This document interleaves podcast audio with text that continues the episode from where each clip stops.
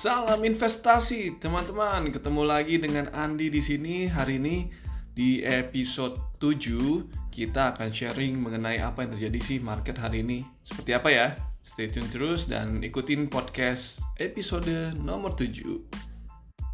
Sesuai yang kita perkirakan, BI akhirnya menurunkan juga suku bunganya uh, 25 basis point um, dari 4.75 7 days repo-nya menjadi 4,5% ya, turun 25 basis point.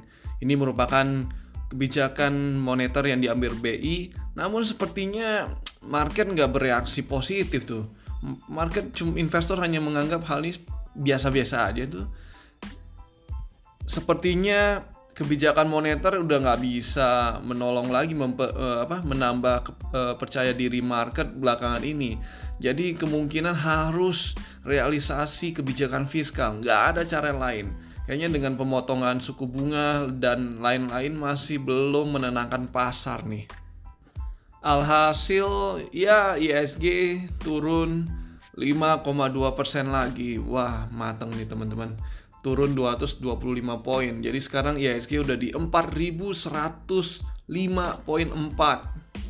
dan LQ45 turun 6,6 Makanya nih saham-saham yang sifatnya big cap ataupun blue chip lagi dijual, sell off semua oleh asing. Dan biasanya kalau suku bunga diturunkan kan harga bonds juga otomatis naik ya.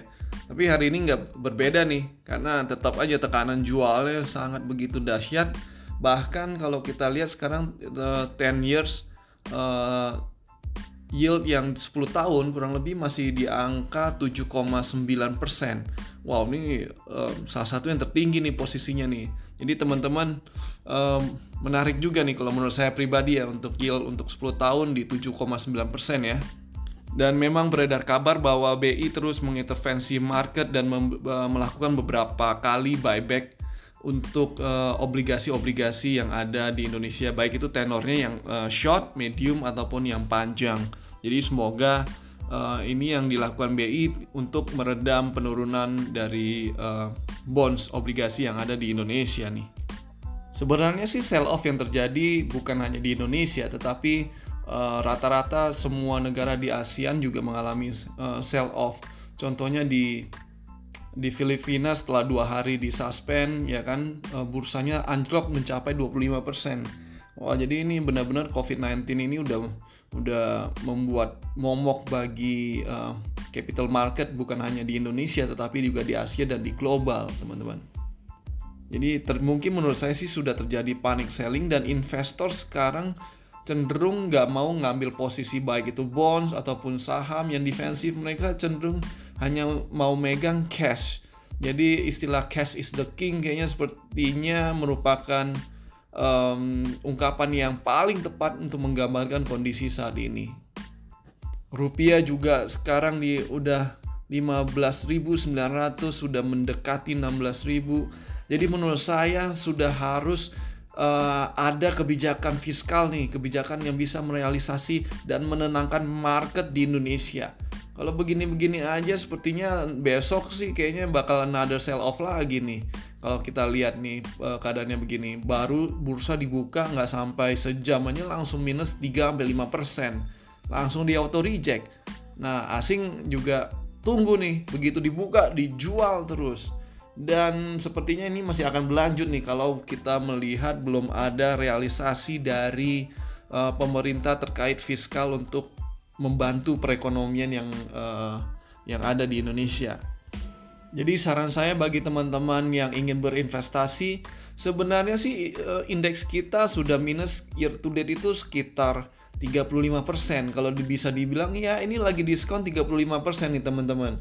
Apakah uh, teman-teman berani investasi dengan diskon 35%. Kalau saya pribadi sih menarik ya menarik ya mungkin masih bisa turun lagi tapi ya ada baiknya kenapa nggak kita mulai investasi bertahap gitu toh ini kalau dibandingkan dengan uh, diskon market yang ada di tahun-tahun sebelumnya kayaknya tahun ini salah satu yang paling besar juga nih ya. Bahkan kalau angkanya kita lihat ini um, posisinya kurang lebih di 2015 ini uh, uh, posisi indeksnya. Jadi wow ini lima tahun ke belakang nih. Jadi ada yang sebagian melihat ini sepertinya menjadi opportunity, tapi karena yang tadi saya sampaikan uh, sentimen positifnya ini masih belum ada. Jadi mereka semua masih menunggu dan uh, masih ingin pegang cashnya dulu aja nih. Bahkan nggak masuk ke obligasi juga. Kalau saya pribadi selalu menyarankan nasabah ataupun investor ataupun uh, perorangan untuk tetap berinvestasi dengan formasi 442 di tahun ini dan ke depannya. Karena kenapa 442? 442 itu maksudnya apa sih? 40% ada di uh, saham, 40% ada di obligasi dan 20% di uh, di money market ataupun pasar uang. Jadi uh, diversifikasi lah teman-teman kalau bisa. Dari awal tahun saya sudah anjurkan seperti ini walaupun pada saat itu indeks masih di harga 6200. Seperti yang saya sampaikan juga di episode-episode sebelumnya, semoga aja nih um, uh, vaksin dari COVID-19 ini segera ditemukan. Ayo WHO, ciayo, semoga um, melakukan terobosan dan menemukan vaksin COVID-19. Oke teman-teman, jadi kesimpulannya market ini turun, hari ini turun karena apa? Asing masih sell off dan masih memegang uh, mereka lebih memilih pegang untuk posisi cash. Yang pertama itu, yang kedua kebijakan moneter yang diambil BI sepertinya kurang ampuh sekarang ini udah nggak mempan nih uh, untuk membantu mengatasi uh, keper, apa, kepercayaan diri investor baik lokal ataupun asing terhadap IHSG makanya nih sell off. Itu yang kedua. Dan yang ketiga rupiah juga melemah uh, mencapai 16.000 ya seperti saya sampaikan ya ketika asing keluar baik itu rupiah dan obligasi juga akan sell off. Sekian dulu teman-teman untuk podcast yang episode 7 dan sampai jumpa di episode yang selanjutnya. Saya Andi undur diri. Bye.